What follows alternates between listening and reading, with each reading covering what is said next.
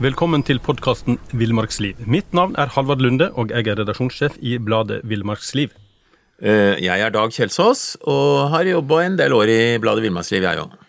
Og navnet mitt er Jens Kvernmo, som er så heldig å få være her i dag. Ja, velkommen, Jens. Du er jo kjent fra bl.a. NRK-serien Jens i villmarka. Og i dag skal vi snakke om når ting ikke går på skinnedag. Når ting eh, går skeis. Det er når vi ikke tar toget, er det det du mener? Ja. kan gå skeis dag, men når, eh, når det skjer uforutsette ting på tur. Det skjer nok dessverre det, selv Ja. for oss som tror vi kan alt. Jens, har du hatt noen uheldige opplevelser på tur? Uh, ja, jeg har rotet det mye opp igjennom, Ja. egentlig. så ja, nei, jeg har jo Det var en gang jeg var på Det var nå jeg i Canada på langtur der, og da, da, da holdt jeg på å strøyke meg, faktisk. Og det var faktisk av insekt. Av eh, noe som fluer. Ja. Da var jeg på toaletten, da, og så ute i bushen der, og så akkurat idet jeg leverte liksom snickersen, da, så eksploderte jo nedi Det var sånn sandbunn med litt sånn Jaha. gras der. Eksploderte av insekter, som sikkert var ja for det ble, det ble et lite jordskjelv, på en måte. Ja, det var en solid en. sånn eh, litt kort og knallhard en. Ja. og så Ja, jeg tenkte ikke over det da, De, jeg kjente jo at de beit, da. Altså, det var sånn enorm sverm. Uh, men det gikk bra, egentlig. Uh, to uker senere så kom jeg frem til en sånn landsby der, og så begynte det liksom å klø, da. Og så dagen etter så klødde det noe jævlig. Skikkelig ille, da. Og så begynte jeg å bli rødt og betent. Eh, og jeg er jo vokst opp i Ungdalen, så vi går jo ikke til noen doktor.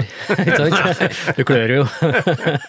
så jeg klødde og klødde og klødde i to-tre dager, og til slutt så var det jo skikkelig betent. Eh, hele ræva mi Jeg har noen bilder av det, men det vil dere egentlig ikke se. da. Men Nei. hele ræva var som det svulma opp, da. Og så begynte det å spre seg, da. Så fikk jeg sånn hudreaksjon. Så Nei, nei. hele huden begynte å klø, da. Eh, og da fant jeg ut at eh, kanskje tiden er moden for å oppsøke denne sykkelpleiersken borti oppi bakka der, da. Hun var ganske fin, da, for så vidt. Så det var, en god grunn. det var grei å hvile øynene på hun. Eh, så da fikk jeg Hun sendte meg jo rett på sånn eh, antibiotikakur, da, og mente at hadde jeg gått et par dager til, så hadde jeg stukket med det. Og såpass, ja. ja, hele huden altså, hele, altså huden er jo som et organ, vet du.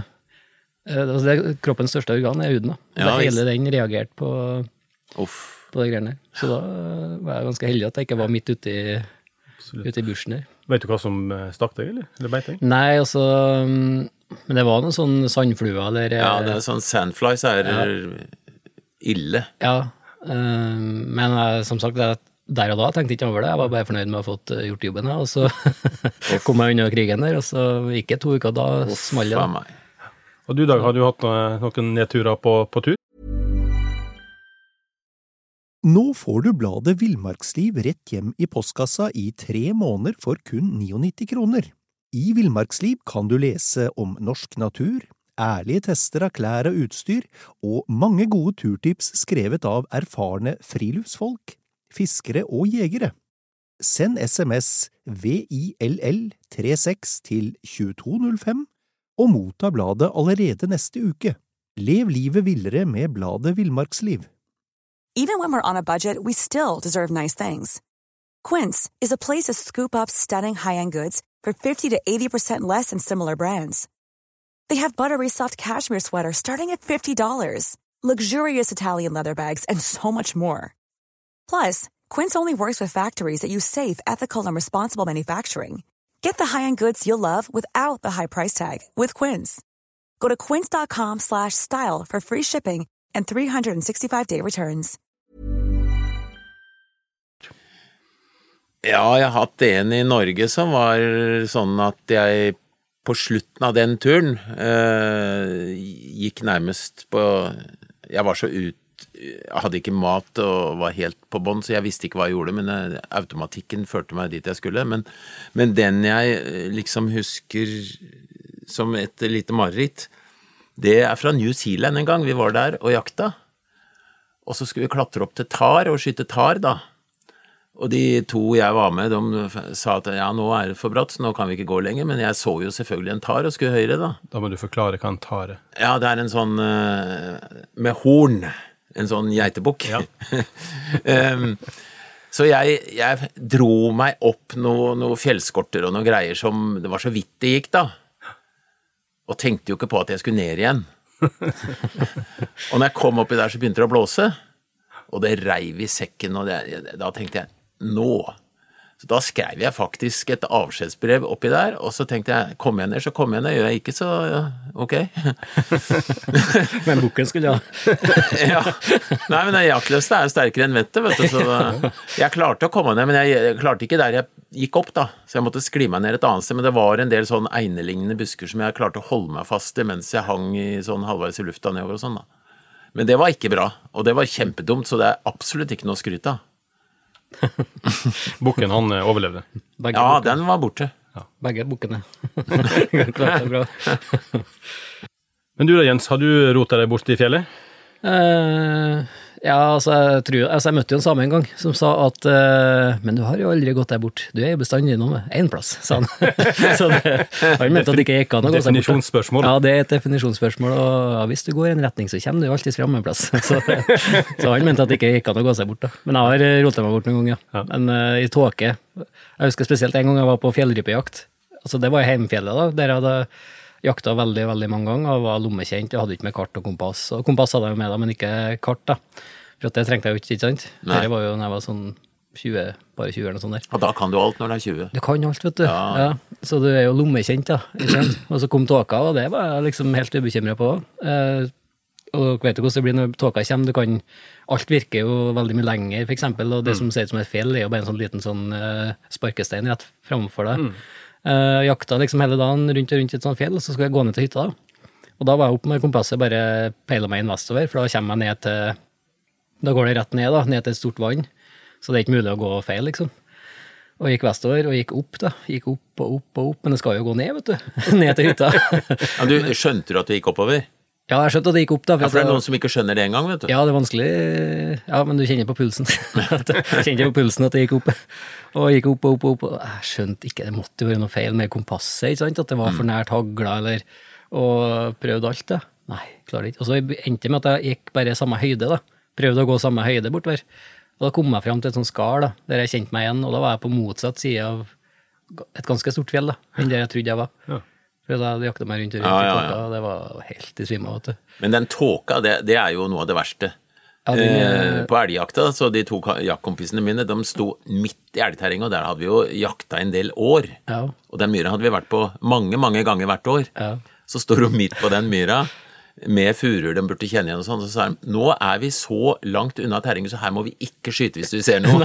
Nei, det var Nei, tåka er faktisk skummel, altså. Så det er jo der det der kart og kompasset skal alltid være i sekken, så det er faktisk viktig. Hva med eh, sånn GPS bruker du? Satellitt-GPS? Ja, altså, jeg har jo GPS. Jeg, først når det først finnes, og den har jo redda meg noen gang, den òg, da. Så jeg tenker når det Men altså, han bør jo ha kontroll på kart og kompass før du kjøper GPS, da, men eh, Absolutt. når det først finnes, så er det et veldig sånn bra hjelpemiddel. Og etter at jeg begynte å få på lengre tur, så kjøpte jeg meg en sånn nødpeilesender i tillegg, da, som viser Og den har jo kartreferanse, altså du får jo ut kartreferansen i Ja, tillegg. ja, Så det er et sånn kjempebra sånn uh, sikkerhetstiltak, egentlig. Men du da, Dag, har kanskje noen tips til hvis en ikke har sånn fancy hjelpemiddel og kanskje ikke har verken Ja, altså, kompass? altså, kompasset er alltid riktig, bortsett fra enkelte ganger. Det, det bør den jo selvfølgelig ikke si, men jeg, jeg var og jakta eh, villrein i Forlogna en gang, og det var skodde, da. Og jeg gikk etter kompasset, og etter en stund så kom jeg tilbake der jeg hadde vært. Og så tenkte jeg, nå er kompasset gærent. Så jeg, jeg, jeg skjønte hva som skjedde, da. Eh, Så viste det seg at det var malm i det fjellet, da. Ja. Så kompasset pekte inn mot fjellet hele tida når jeg gikk rundt. men, eh, men eh, jo, det er jo mange triks. Eh, Hvis du går deg bort, eller hvis du er i fare for å gå deg bort, så er det mange triks du kan bruke. Det ene er jo selvfølgelig å gå nedover, for da kommer du ja, du kommer til havet til slutt, da. Men eh, du kommer iallfall vanligvis til folk eller, eh, eller veier eller noe, for det, det, det fins jo ofte etter vassdragene, da. Så det er jo én ting å gjøre, i hvert fall ikke gå oppover, for da, da blir det bare verre og verre. Ja. Og så kan du jo se en del merker i naturen. Altså maurturet er ofte mot sør, for eksempel. Eh, granbaret vokser litt lenger på sørsida enn på nordsida. Så det er noen sånne tegn du kan bruke. Men, eh, men eh, hvis, du, hvis du først er på Begynner å gå der bort, så er det ofte hjernen slår klikk. Jeg husker en gang eh, vi var på elgjakt, og så var det ei dame ja, ja, unnskyld, men damer har lettere for å gå seg bort enn menn. Jeg veit ikke hva det kommer, men mangler én slag greie der i genene. Men ikke noe vondt sagt om damer på jakt. Men i alle fall, jeg sa nå følger du høyre sida på den svære bekken her nedover. Og når den heller utfor et stup, så går du litt til høyre der, og så ned, rett ned i dalen, og da kommer du til veien. Av en sånn skogsbilvei. Ja, det var greit. Og det tok vel tre kvarter, tenker jeg, den turen der. Og da vi var nede ved, ved den jakthytta etter to timer og hun ikke var kommet, så måtte vi jo begynne å leite og herje, da. Men hun kom etter tre og en halv, fire timer og var glad og fornøyd. Altså, hvor har du gått til nå? Har du gått deg bort? Nei, nei, jeg har ikke gått, bort, gått meg bort. Men jeg så stå spor etter regn i snøen, sa Og da visste jeg at den snøen, den lå jo da ca. 200 meter høyere enn den bekken. Så hun har gått over bekken, og så oppoverbakke lenge, lenge. Men det skjønte jeg ikke sjøl. Så det jeg vil fram til, er at eh, hjernen spiller oss et puss hvis vi ikke setter oss ned og tenker nøye over hva vi driver med. For du, du, du kommer inn i en sånn pressa situasjon, og til slutt så, så går det litt spinn. Så tipset er å sette seg ned og ta litt med ro og drikke og spise litt. Ko- Koble helt av, gjerne ta seg litt uh, søtt, og få opp blodsukkeret, og så begynne å tenke fornuftig. Hva kan ha, ha skjedd? Hvor tok jeg feil? Og så kanskje prøve å gå tilbake til det siste punktet du var sikker på hvor du var hen. Kommer man litt på, men eh, da må man ikke ro- rote seg mer bort, da. Men, der- men der er du inne på noe veldig viktig. Eh, hvis du går særlig i ukjent terreng, snu deg med jevne mellomrom og se åssen terrenget ser ut den veien du skal gå tilbake. Ja, det er kjempesmart. For da, da, da legger du merke til Å ja, det er svært fjell på høyre side, ja, det må jeg huske på. Ja. Ikke sant? Og så alltid kontroll på nord, føler jeg. Det er en sånn kjerneregel til meg, da. Alltid ha en sånn følelse av hvor, hvor nord er.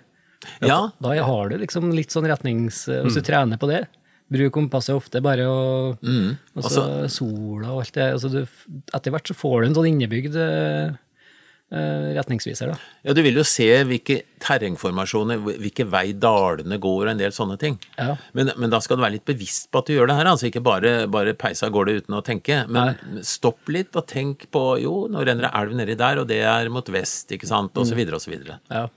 Jeg tror hvis man er bevisst på det her noen år, så blir man, får man litt sånn innebygd eh, retningsviser, da. Det Det blir, det blir faktisk en automatikk. Hvis du, hvis du gjør det mange nok ganger, så blir det en automatikk i at du tenker sånn. For meg så går det veldig bra når jeg er ute i skogen, det er kun når jeg er i Oslo. Da mister jeg fullstendig retningssansen. I hvert fall hvis man er uheldig og slumper inn på en sånn pub eller noe sånt, da Ja, er det jo er helt det helt låst. Men eh, det er, jo, det er jo en del andre ting som kan gå galt på tur da, enn å gå seg bort. Uh, tenker på Du kan jo bli skada og sjuk sjøl, og du Jens, har jo hunder med deg og sånt. De kan jo bli sjuke og få hoggormbitt, uh, gå seg på elg. Ja, det er utrolig mye rart det hundene kan eh, kødde seg borti, men det er utrolig hvor mange ganger det går bra òg. Ja. Det er helt det jeg tenker mye på. Altså, det, det er så mye galt de kan rote seg borti, men det går jo stort sett bra. Ja. Jeg har vært veldig skåna for hunde, altså hundene mine. Ja. Det, jeg tenker når de jakter og springer over steinur og i sånn eh, ja, nedbrent skog, for eksempel, at det er mye sånn tørrkvister, og det er helt utrolig at de klarer seg, altså. Men uh, jeg har vært veldig skåna, heldigvis.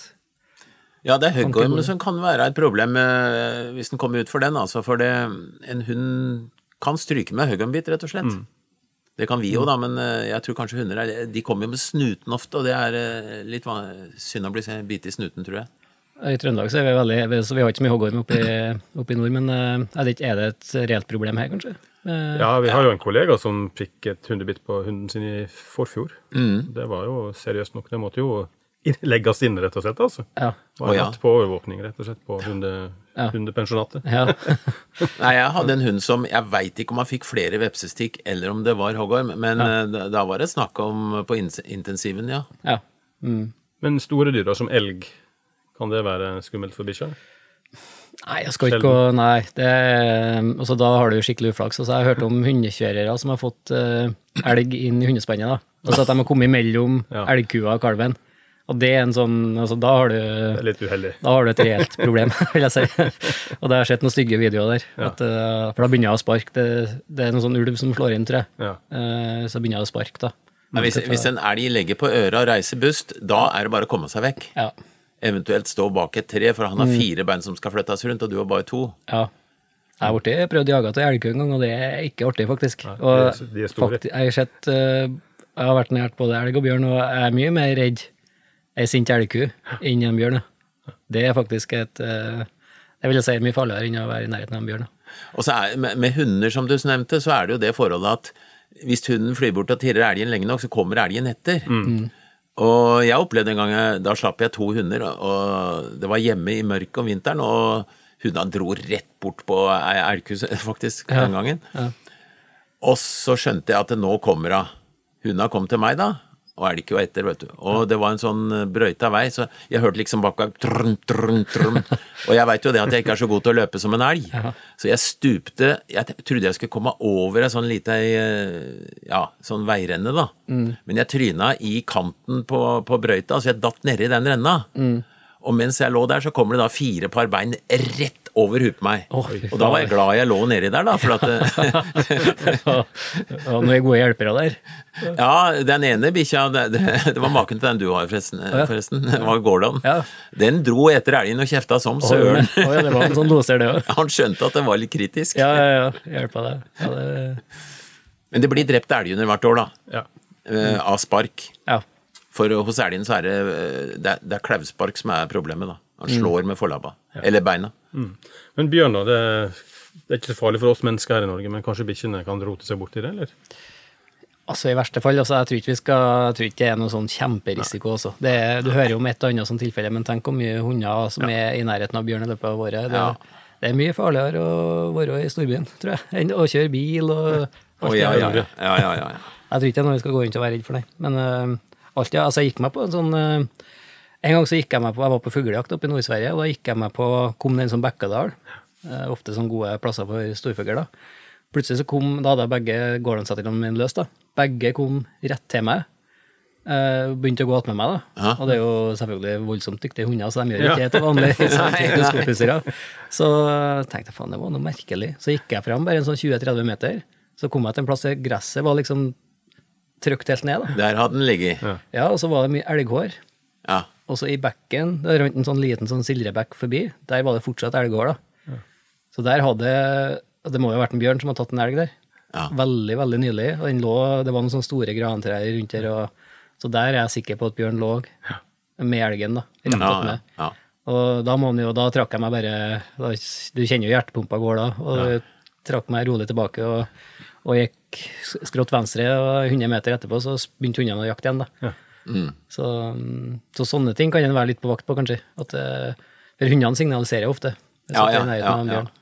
Nei, hvis du kommer over uh, nyslått eller, eller kjøtt hvor elgen uh, er slått, eller, eller rein, eller hva det nå er, og, og bjørnen er like i nærheten, da er det best å komme seg vekk, altså. For Ja. han forsvarer maten sin av og til, i hvert fall. Av og til så gjør han det, og det er vel kanskje en av de få tilfellene at vi må være på vakt. Ja, det er det, det er det, og hvis du skulle dumpe ned i et hi, eller eventuelt komme der det er små unger, og Ja. Mm. binna skal forsvare de, da. Ja, Men, men altså, bjørn stikker. han gjør det. Ja, han ja. gjør det. Så tenk deg hvor mange ganger vi har vært nært eh, bjørn. da, Å, herregud, det er mange bjørner som har sett oss uten Ja. at vi har sett dem. Ja, Ja. ja, ja, absolutt. Eller, eller i hvert fall visst at de har vært der. Ja, ja, ja, helt klart. Jeg tror vi kan gå rett forbi dem. jeg. Jeg tror de ligger og trykker så Nå blir jo kanskje folk redde, men jeg tror de kan ligge og trykke som en, en, Som en kronhjort, ja. som en kronhjort. altså. Ja, ja. Som en rype som ligger i kjerra og trykker, da. Nemlig. Og du kan gå 20 meter forbi, tror jeg.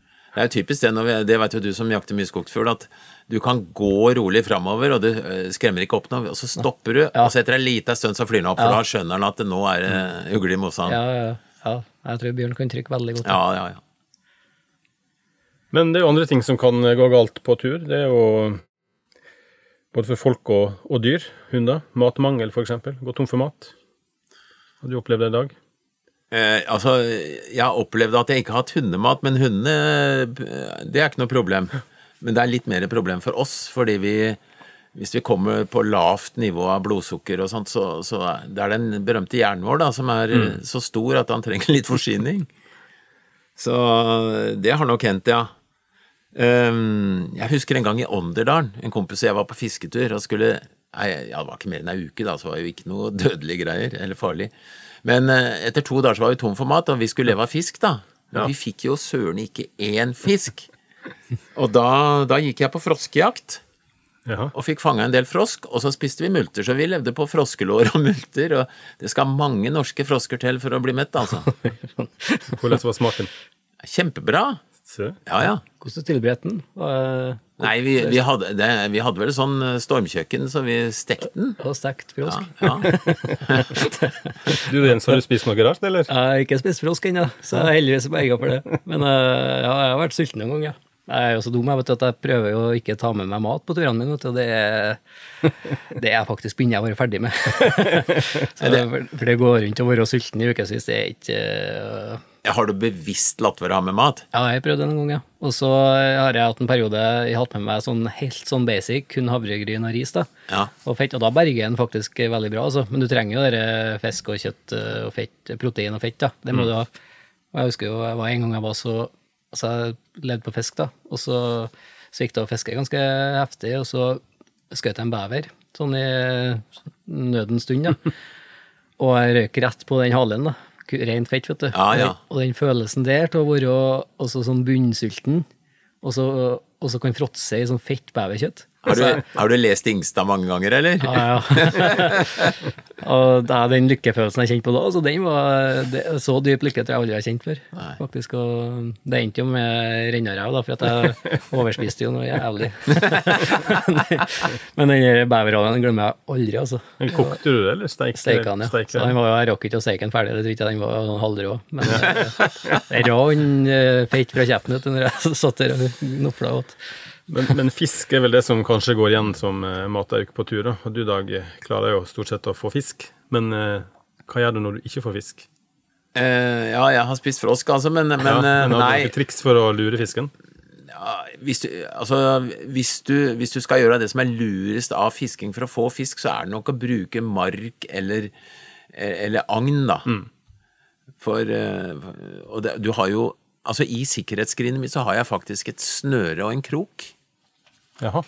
Jeg har nesten alltid med meg fiskestang, da, men om du ikke skal ha det, så ligger iallfall det der, så da kan du lage ei primitiv fiskestang og, og finne en bekk med småørret eller et eller annet sånt. For, for fisk eh, Altså, ørreten er jo faktisk litt feit, så det gir deg ganske mye næring, da.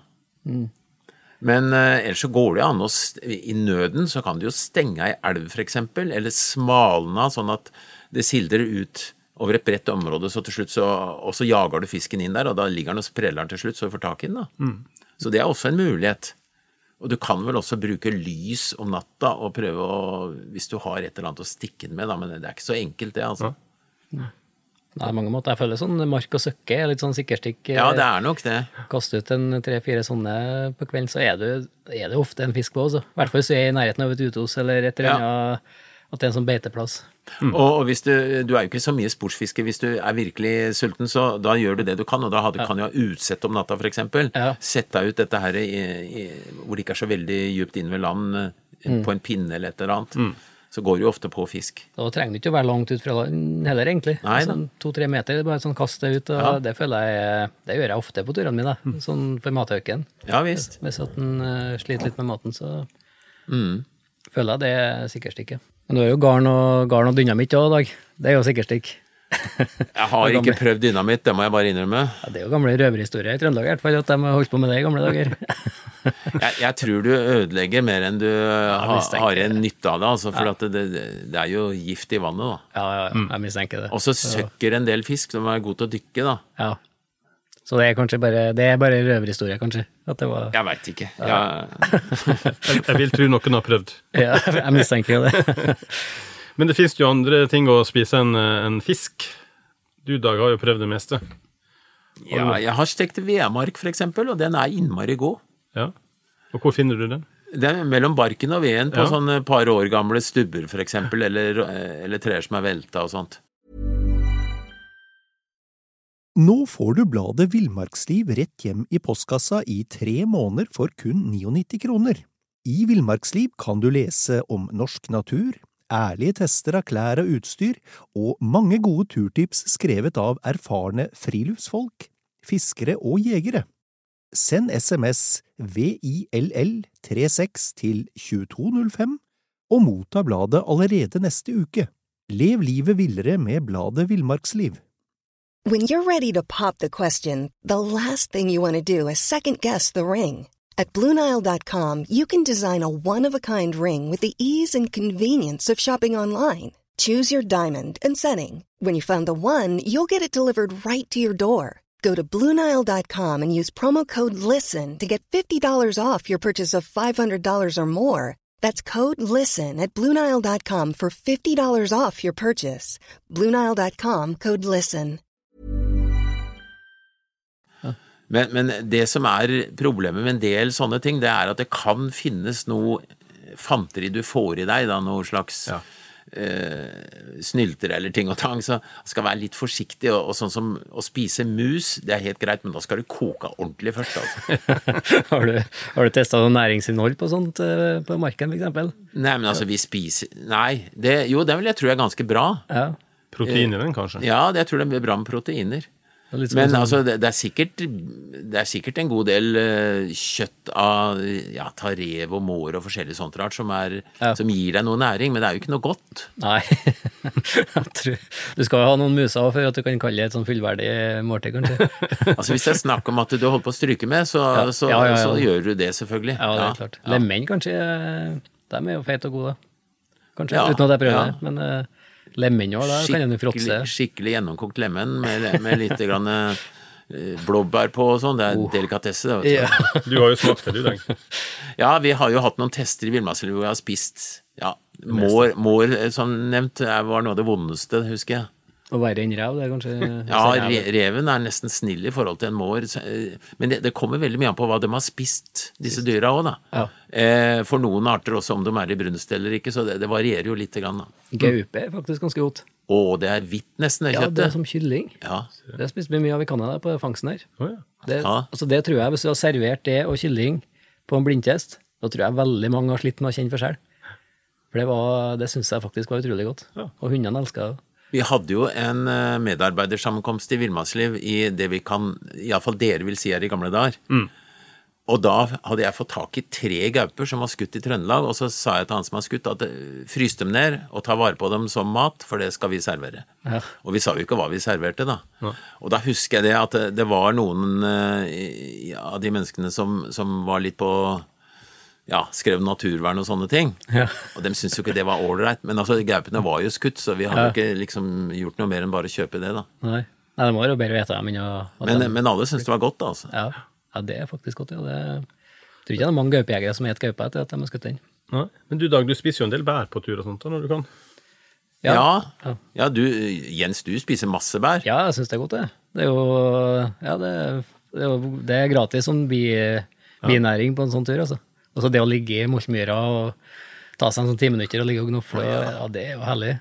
Og det er jo en del sukker òg i det, som gjør at du får opp blodsukkeret igjen. Ja, det, Altså, jeg, jeg spiser f.eks. krekling når jeg er på rypejakt. ja.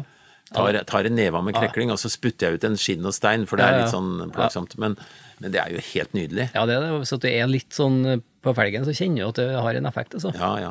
Så ja, ja det er mye. Og så det å ta, ta med seg et måltid og lage seg, lage seg et moltsyltetøy til dagen etter, det er jo ferskt uh, syltetøy. Og så kan du jo tenke på Bjørn. Hva er det han gjør når han feiter seg opp? Han flyr Ja. blåbærlia, ikke sant? Ja, og det er egentlig ganske utrolig. Ja. At han går rundt og feiter seg opp på, på blåbær, liksom. For han skal, tror jeg har vurdert noe annet. Går nok i liter. Ja. Andre ting i Dag kan eh, få i seg eh, fra naturen? Ja, ta Det er ikke, det er ikke fjellblomst, men ta geitramsen, da. Som vi ser i veikanter og ja, ute i bushen nå, på sletthugg og forskjellig. Eh, særlig Altså, unge skudd er jo fine. Det er snacks, salat. Og hvis du på eldre På sånne stammer av geitrams, kan du kalle det, da. Stengler. Del dem eh, på langs med kniven, og så skrape opp den derre eh, hvite, margaktige saken som er der. Det er, det er faktisk innmari godt. Så det navlelav kan jo spise. Den som liksom går ut fra et senter og er sånn gråsvart, brunaktig eh, på steiner i fjellet, f.eks. Ja. Den kan vi spise uten å behandle den, mens andre laver må lutes, da, så det er en mer omstendelig prosess. Så eh, harerug, veit du åssen den ser ut? Nei. Ja, den er høy, si 10-15, kanskje 20 cm høy, og så har den sånne helt hvite blomster som står oppetter. Det ser ut som, som, som korn, nesten, de nederste. For det, ja. Eh, Det er eh, også veldig bra. Brennesle, hvis du finner det, eh, særlig på en gammel setervoll. Ja. Den er jo Men du spiser den jo ikke så det blir stikket opp, da, men fukt henda, altså rull den inn i henda, så du får vekk eh, den derre stikkegreia, eller ja, og så, bare tygg det sånn. Det er helt fint. Koker de ikke suppe på det? Jo da. Jo, jo, jo. suppe, neste suppe en gang. Ja. Å ja. Det var godt, det. Ja. Jeg spiser det hver vår, jeg. ja, det gjør det. Ja. Jeg har ikke slått meg på den bølgen der ennå, men Men, men vi må jo også si det at det, altså sånne nødpakker med sjokolade, sånne blokker og sånne ting, det er jo veldig bra for å få opp blodsukkeret der og da. ja, det er snedig å ha noe sånt i sekken. Er, det, det er sånn når du har igjen to kilometer og kjenner at du nesten dør, da tar du den. ja. Så, eller ha med seg litt sånn tørrsukker. Det bruker jeg å ha med, i hvert fall. Og så ha det litt sånn i havregryn, eller i Ja. Eller lage seg syltetøy, eller, Ja. eller i, ja, i vannet går det an, bare for å få litt sånn sukker. Eh, For det trenger en faktisk. da, Når det er noen dager så trenger en litt, Ja, litt ja. påfyll. For bare havregrøt dag etter dag, det, det er litt kjedelig uten sukker. Ja, så sulten nok, så går det. men men det, det hjelper på med en lite ja. skje sukker. Altså, det, ikke til, altså. Nei, Men det er bare å plukke litt bær og ha oppi, så Ja. blir det en helt annen rett med en gang. Absolutt. Ja, Absolutt. det gjør det. Men i en krise i dag Du har med en først, førstehjelpspakning, antar jeg. Hva har du oppi den? Jeg har eh, nål og tråd til å sy klær eller hva nå som ryker. Mm. Jeg kan ha en liten tube med hurtiglim. Kanskje en lita tang eller sånn allround-verktøy som har all verdens rare ting. Kommer litt an på lange turer der, da. Mm. Jeg har også med en sånn paralgin forte i tilfelle det skjer noe som er så vondt at jeg liksom ikke klarer å, tenke klart. Eh, og så forbindingssaker, da, selvfølgelig. Ja. Det, det er jo viktig. Du Jens, tenker du på sånt når du drar på tur?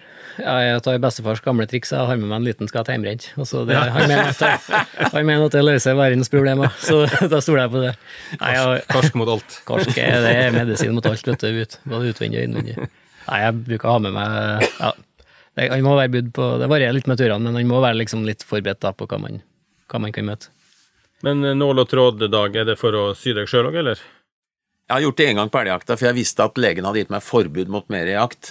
Jeg, det var en kniv som skvatt rett opp fra en elg og kutta meg ganske bredt under kneet. Ja. Så etter å ha studert eh, hvordan årer og systemer var det, ganske artig forresten å se hvordan det er bygd opp. Men, men jeg skrapte ut det som var av elghår inni det der kuttet, og så sa jeg til kompisen at jeg måtte koke nål og tråd som jeg hadde med meg, og så sydde jeg det. Og det er ikke, det er ikke så vondt. Men, men det er seigt skinn der, det kan jeg love deg. Så måtte du bruke tang for å få tredd gjennom nåla. Det finnes jo en del sånne praktiske strips og sånt på mindre sår som en kan ta med. da. Du kan, du kan teipe òg, vet du. Teipe det. Ja. Ja, sportsteip og strips, og da kommer en faktisk langt. Altså. På, men Nåla nål og tråd er jo lurt, å- lære seg å bruke, kanskje. I hvert fall den knuten kan være kjekk å trene på. Jeg fikk rosa av legen etterpå, enda jeg brukte vanlig blodknute. Ja, du gjorde det. Ja, det, ja, ja, så lenge at det er knute, så, så funker det. Men du har jo nevnt andre sånne praktiske ti- ti- tips på tur i dag. Altså Så ha bærepose til å bære vann i, og, og du har med litt utstyr og sånt. Er det andre ting du bør ha i sekken? For Eh, eh, ikke bare fordi jeg fisker, men jeg har med meg sene, for den er jo veldig sterk i forhold til tjukkelsen. Så den kan du bruke til mye rart. altså eh, Reserve skolisse, da, bare for å ta én ting. Og, og plastposer til å bære vann i, til hvis du har bare lave sko. Ta det utapå, så kan du vade over en bekk så du er tørr når du kommer over. Det er mange, mange bruksområder. Eh, Du kan eh, ha proviant i plastposen og henge den høyt i et tre for å unngå at reven tar maten. Det er, det er så uendelig mange bruksområder, altså. Og så har jeg ofte med litt sånn lengre tau òg, da. Og en tynn ståltråd. Du ønska du noe spesielt i sekken? Nei, veldig mye liksom Dag har jo Men eh, sånn, litt av sånn slipeine til kniven, det syns jeg er kjekt, da. Så bare sånn lite ei som jeg har i lomma alltid. Da Ja. er det en kvass kniv. Det har jeg lært av en bestefar, da. Han har fått mye kjeft av han opp igjennom at, at kniven er slø, da. Så det er Ja, bare sånn bitte lite på to ganger to centimeter eller noe sånt? Ja, sånn, for da, hvis, at du, hvis du drar litt hver kveld, Ja. du sitter med bålet, bare en sånn Ja, to-tre drag på hver side, så holder du faktisk kniven sylskarp gjennom en hel tur. da. Ja. Så frem til ikke driver og gødder den på noen steiner og sånn, da. Men det, det unngår man jo stort sett. Men det, det går an, eh, hvis du, hvis du går i ei strand eksempel og finner helt slipte steiner. Kan du bruke dem til bryne. Ja, kan jeg. Eh, hvis du finner en som er litt løs i materialet, f.eks. Så det, så det er jo sånn vi har bryner, ikke sant? Ja, det Så, så det går også an å gjøre da, hvis kniven er blitt ordentlig sløv. da. Og så er det faktisk noe så hvis du drar den over slira hver gang du bruker den, Ja. ha sånn rutine at du drar den to ganger på slira hver side, det hjelper faktisk, altså. Absolutt. Så bare sånn Eller belte. Ja, det er belte for den del. Ja. Ja. Et eller annet sånn mykt materiale. Men dere har jo, har jo vært masse på tur. Hva er, det som, eh, hva er det som bruker å gå i stykker på tur? Nei, det er jo, kan jo være mye rart. Altså, det er ja, kanskje klær. Altså, sy, sånn, sy et høl i skrevet på buksa, eksempel. Det har jeg gjort noen gang. Um, ja, sekken, ofte sånn struppe på sekken kan jo ofte ryke. Sånn, sånn Ja. taustump i sekken kan jo være veldig kjekt, da. Sånne Plastklips har jo en tendens til å sprekke. Ja, ja, ja. De, eh, altså, akkurat oppe på toppen av på sånn langtur når det bærer tungt, da, så ofte så ryker de i sømmen på eh, skulderstropa, helt oppe i toppen der. Det har jeg opplevd noen ganger, i hvert fall. Elektrikerteipet er nyttig til en del sånne ting. Ja. Det er, jeg har også en sånn halvstor rull med det i den nødpakka. Type sånn gaffateip.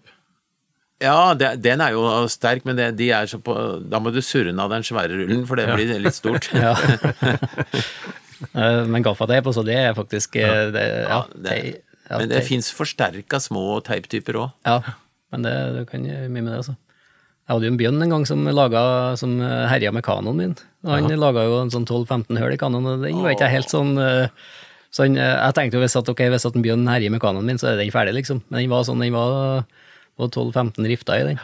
Så da, Ja, det var sånn ærlig-kanne som Ærlig klart å rive hullet, ja. Ja. Men det, du, det fins jo lappesaker til den, så ja, men da brukte jeg faktisk gaffateip. ja. Og det, det funka, altså. Ja, ja. Det var, da var han krute god igjen. 15 minutter med gaffateip, og så var, det, var han gull, gullig god. Men uh, skalljakke og sånn skallbekledning òg er jo litt utsatt for uh, rifter, da. Har du opplevd det?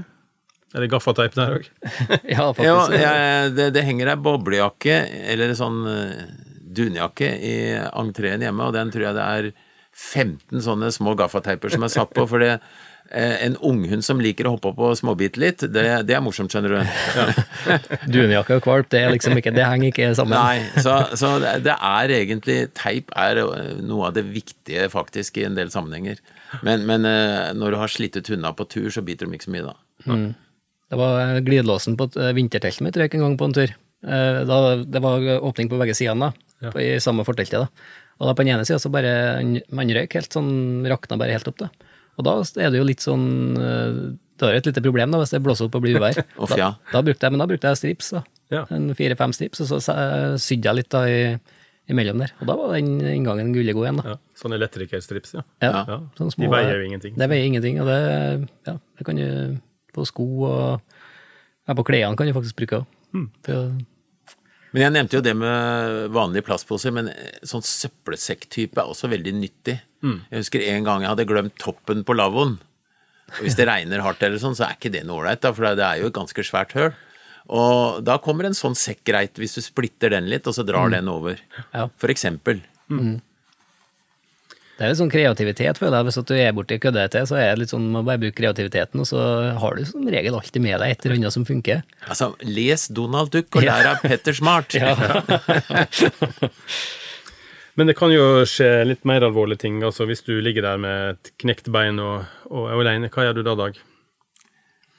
Ja, hvis, det, hvis det er vinteren, og du, og du blir rett og slett liggende et eller annet sted i fjellet eller Mm. eh, skauen eller sånn, og det er snø, så eller det gjelder uansett når på året, så må du regne med at du har vært gløgg nok til å fortelle noen omtrent hvor du er, og litt om når du tenker å komme hjem. Mm. Uten at det er veldig farlig å binde opp det på dag og klokkeslett. Men det blir et ettersøk etter hvert, før du dauer i hvert fall. Vanligvis. Eh, og da kan det jo være nyttig, hvis du rett og slett ligger der, at du tar granbar og knekker opp og krabber fram og får lagd et SOS i snøen, for da kommer et fly og ser det øyeblikkelig og, og greit. Eller så kan du fyre bål. Du kan røyksignaler. Det er Donald Duck igjen, altså. og, og, og selvfølgelig bål om natta, som syns som, som et lys for de som går og leiter, da. Så eh, det er sånne ting du Og så har vi jo helst en nylada mobil, og kanskje med en sånn ekstra reservebatteribank. Men, men jeg stoler jo, eh, kanskje fordi jeg er gammel og, og treig, jeg stoler ikke på all verdens nymotens ting med batteri, altså. Fordi jeg har sett så mange eksempler. Mobil i vannet, så er det lost, altså. Nei, det er sånn godt eh, altså det å ha med seg for ei natt, altså uansett om du er altså Ha med seg en sånn liten duk eller et eller annet, så du, så du berger ei natt. Og litt ekstra mat, det tror jeg er sånn Det er kanskje det viktigste sånn uh, sikkerhetstiltaket du kan gjøre. Uansett om kort eller lang tur. Ja, ja. Det, det å holde på varmen og ikke bli våt, det er, det er liksom to hovedting. Ja. Men jeg tenker da, du, du går jo mye alene, Jens. Du har med deg en sånn, eh, sånn satellittsak. De siste årene har jeg begynt å um, dra lenger, da. Så har jeg Men jeg, ja, før i tida så hadde jeg aldri med meg noe. Da, men det er liksom falsk trygghet, den der eh, klumpen der også. For den skal jo ha strøm, den òg. Ja, og absolutt. Sjøl om du, du får ikke hjelp på minuttet der heller. Det kommer an litt på hvor det er, da, men eh, det kan jo gå noen timer. Mm. Så uansett, så må man ha med seg for å, for å klare seg. Og det som Dag sier, altså det å holde seg varm er faktisk uh, Uansett hva du kødder til, så er liksom det må være prien. da. Komme seg, Lage seg i granbasseng og komme seg i en sånn jervenduk eller et eller annet og fyre opp et bål. og Det tror jeg har vært førstepri til meg, altså. Hvis at jeg har fått noe illebefinnende eller ja. Jeg fikk jo beskjed i sommer når jeg skulle gå en liten tur alene, at jeg måtte ha en sånn Garmin-dings, da. En sånn satellittdings. Ja. Og tenkte at ok, den kosta 3000 kroner, greit, og det kosta noen hundrelapper med årsabonnement og månedsabonnement. Men det er jo en billig livsforsikring, da. Ja, det Så hvis du ligger der alene og har knekt bein, Ja. så er det greit å vite at det en eller annen gang at det dukker opp folk om en time eller en dag. Ja. Altså det er et sånt, men Nå tror ikke jeg alle trenger ikke å ha med seg en sånn, men det, altså det, det, er, det er en billig forsikring. da, og i hvert fall hvis du skal på flere uker, og spesielt alene, Ja. så er det, vil jeg si at det, det, det eksisterer. Og da er det litt for dumt å ikke investere i Og en to så kan jo en selvfølgelig gå Det er akkurat det. Ja. til hente hjelp. Ja, altså det, Et av de beste tipsene i denne sammenheng, det er å gå to eller flere sammen. Ja. ja. For det, det er sjelden at begge brekker beinet, liksom. Mm. Og meld ifra hvis du er alene, meld ifra om ruta di, og kanskje Ja. send en melding.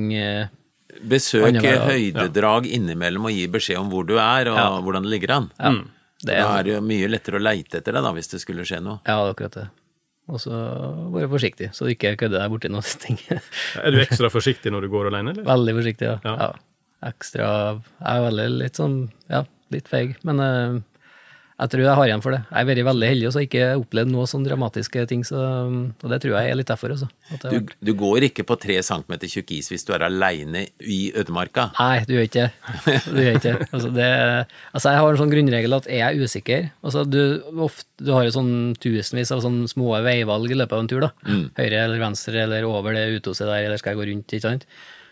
Er jeg minst i tvil, så tar jeg det tryggeste da, Ja. av de to. Ja, ja. Alltid. Og det Selv om begge kan være ganske trygge, da, så er det alltid det tryggeste i, av to valg, da. Så blir man jo frista noen gang, da. Da Litt, litt som du var inne på her i en annen episode, at det er liksom disse, her- alle disse små valgene det akkumulerer seg på en måte opp med litt sånn eh, Ja. sannsynlighet for at en dag så går det faktisk galt. Ja, det er akkurat det. Med, forhåpentlig så har man jo et langt og lykkelig liv. Og til slutt da, så tror jeg at du, du, du Den dagen kommer da, til slutt, da, hvis at du tar sånne små risikoer hele veien. Du må være ydmyk og tenke at jeg er ikke utlært, og det kan fortsatt skje noe, sjøl om, jeg har 2000 døgn i telt de siste åra. Altså, Spiller ikke rolle den dagen Nei, det skjer, Nei, en dag så kan det gå galt fordi du, du blir litt uvøren. Tenker jeg ofte på dem som eh, omkom i snøskred. Det er veldig, veldig veldig ofte så er det erfarne sånn toppturfolk som har vært ute mye, som er eksperter på snøskred. Det er ofte dem som blir tatt i snøskred. da. Og det er litt sånn, jeg tror det er en sånn, vi, vi bygger opp en sånn uh, sjøltillit på at dette mestrer vi, ikke sant? Og så ubevisst da, så strekker vi, tøyer vi liksom strikken litt. Det er viktig å tenke på at naturen, eller de kreftene som er der, er mye, mye større enn oss. Ja, vi må Ydmykhet i forhold til vær og områder og farer, altså. Det er viktig. Ja, det er det. Men eh, det er en ting vi ikke klarer oss uten, og det er selvfølgelig karsk, men en ting til. altså mat, og, mat kan vi klare oss uten uh, Vi kan klare oss lenge uten mat, men ikke uten drikke. Dag. Nei, nå snakker vi om vann, og jeg klarer Ja. meg godt uten karsk, bare så det er sagt. Ja. Men, men eh, nei, altså Hvis du er et sted og ikke har noe å innta, så dør du ikke av matmangel, Nei. men du dør fordi du tørster i hjel. Uh, så, så vann siste du gjør før du går opp en bakke for å campe litt unna vann, det er å fylle opp vannflasker og sånne ting. Og ha reserve med deg også når du går. For det, vi forbruker jo enormt mye vann når vi virkelig yter noe og svetter og står i. Så det, jeg, jeg innrømmer det at jeg eh, fortsatt så, så tar jeg inn for lite vann. Og når du tisser mørkegult, da har du spist for, drikker, for lite. Når det kommer sånn tomatsuppe, vet du, da er det greit å å, drikke litt. ja, Spesielt på eh, vinteren òg. Altså, det tenker jeg det er lett å glemme på vinteren. Ja. Altså, da trenger du faktisk mer vann enn sjøl om det er varmt på sommeren. Da. For at du, får, du, du, du bruker mye vann bare for å holde- varmen. Ja. Så det å drikke mye på vinteren er viktig. Det er vanskelig da, på vinteren. Der er jeg dårlig sjøl, altså. Og det som er viktig hvis, du har, hvis det er litt kulde eller, eller du kan fryse, ikke drikk iskaldt vann, for da bruker du en del av kroppens varme til å få det opp i kroppstemperatur. Ha, ta deg tida når du forlater en leir til å koke opp vann, og så ha lunket i hvert fall vann som du har på flaske eller termos. Kanskje ha med seg en ekstra termos på vinteren. at du har, Jeg tenker ofte sånn to liter er sånn fin mengde å ha i seg på en dag. da. Så at du enten har én liter med kokende vann, da, at du kan blande ut det med snø underveis. At du får til to liter. Ja, det er, det er også en fin metode. ja, smart. For Da kan du ta litt snø, ta koppen full i snø, så koke, har du kokende vann Ja, oppå. ja. Da blir det drikkbart.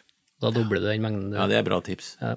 Men eh, Dag, nå skal jeg stille et litt dumt spørsmål som jeg fikk senest i sommer, fra en, eh, en engelsk turist, tror jeg det var. Altså, kan vi drikke vann i bekken, spurte han om. Du, eh, jeg har eh, gjennom mine mange tiår i naturen, så er det én gang jeg har fått magesjuke av å drikke i en bekk. Ja. Og da var jeg på do 18 eller 19 ganger på ett døgn. eh, og det var ikke hyggelig. Men, men da har det altså ligget kanskje et dødt dyr lenger oppe i bekken, f.eks. Ja. Eh, I lemenår, som vi jo ikke opplever så ofte nå for tida, men i alle fall det hender, da drikker du ikke en bekk. Da drikker du i de store vanna hvor, hvor altså eh, sånne ufyseligheter er tynna ut såpass mye at det er større sjanse for at du får noe som er reint. Og du må gjerne ta litt nedi vannet, ikke overflaten også. ja. Og helst rennende vann, kanskje. Men hvis, hvis, du går, eh, hvis du går i norske fjell og har en frisk fjellbekk, så sjansene Går det sau der, så Ja. vær forsiktig. Ja. Men det, det er utrolig liten sjanse, altså, at du Ja. skal få jeg har aldri opplevd det. så. Det eneste jeg tenker på det, er så- hvis det er mye bever, og så er det litt sånn stillestående altså, i nærheten av et sånt beverhus, det kan faktisk være farlig, altså. Du kan få, se I Amerika kaller de det beaver fever, Ja, ja. og det kan du faktisk stryke med av. Så i Amerika så er de utrolig forsiktige med å drikke vann i nærheten av sånn beverhus. da. Er det pga. avføring, da? Eller? er Jeg er litt usikker på hvor det kommer fra, men jeg snakka med en kar som han var dødsjuk av det, og så vidt han berga det. Så de, der unngår de å drikke vann rett i nærheten av Ja, eh, ja. der beveren bor. da. Så er det et sikkert triks å koke, da, hvis en er i tvil. Selvfølgelig. Og det, du får jo også rensesystemer for turbruk, da. Ja. Hvis, det, hvis det er et lemenår, eksempel, da. Ja. Men sånn generelt sånn frisk fjellbekk, det skal han ikke være redd for å stikke opp en oppi, altså. Nei, du skal være litt forsiktig når du kommer helt inn til breer, eksempel. Ja, bredbånd kan være Ja. Jeg får munnsår av det, det er nå bare plagsomt, men, men Ja. du, du kan få i deg andre ting òg. ja. Nei, bredbånd kan være en greie. Men eh, Men nå har vi kanskje skremt folk fra å dra på tur, Dag. Det er, jo- er stort sett veldig ufarlige på tur, da. Det Altså, visse enkle forhåndsregler. Som sagt, jeg tror det er tryggere enn å være i storbyen. jeg føler meg mye mer nervøs Ja, når jeg er i, i en by enn når jeg er til fjells, altså. Jeg får håpe vi ikke har skremt noen, det, men det, det er lov å bruke huet hele veien. Absolutt. Også i byen. Ja. Så da tror jeg vi bare sier Jeg må på sånn kurs i sånn bykurs. Jeg vet Ja, hvordan- hvordan være trygg, hvordan feller kan man gå i byen her. Ja. Ja, det er mange. Med det sier vi tusen takk for praten. Takk for praten. Takk for praten, ja.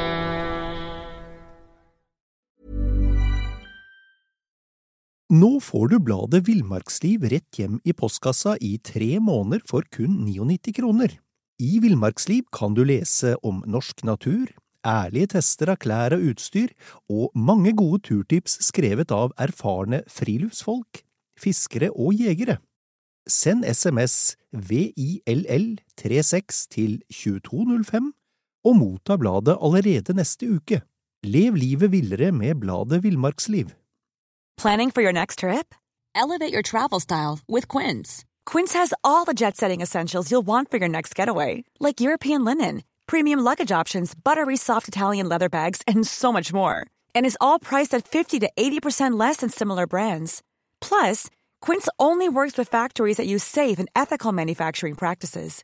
Pack your bags with high-quality essentials you'll be wearing for vacations to come with Quince. Go to quince.com slash pack for free shipping and 365-day returns. Hey, it's Paige DeSorbo from Giggly Squad. High quality fashion without the price tag. Say hello to Quince. I'm snagging high-end essentials like cozy cashmere sweaters, sleek leather jackets, fine jewelry, and so much more. With Quince being 50 to 80% less than similar brands. And they partner with factories that prioritize safe, ethical, and responsible manufacturing. I love that. Luxury quality within reach. Go to quince.com slash style to get free shipping and 365 day returns on your next order. Quince.com slash style.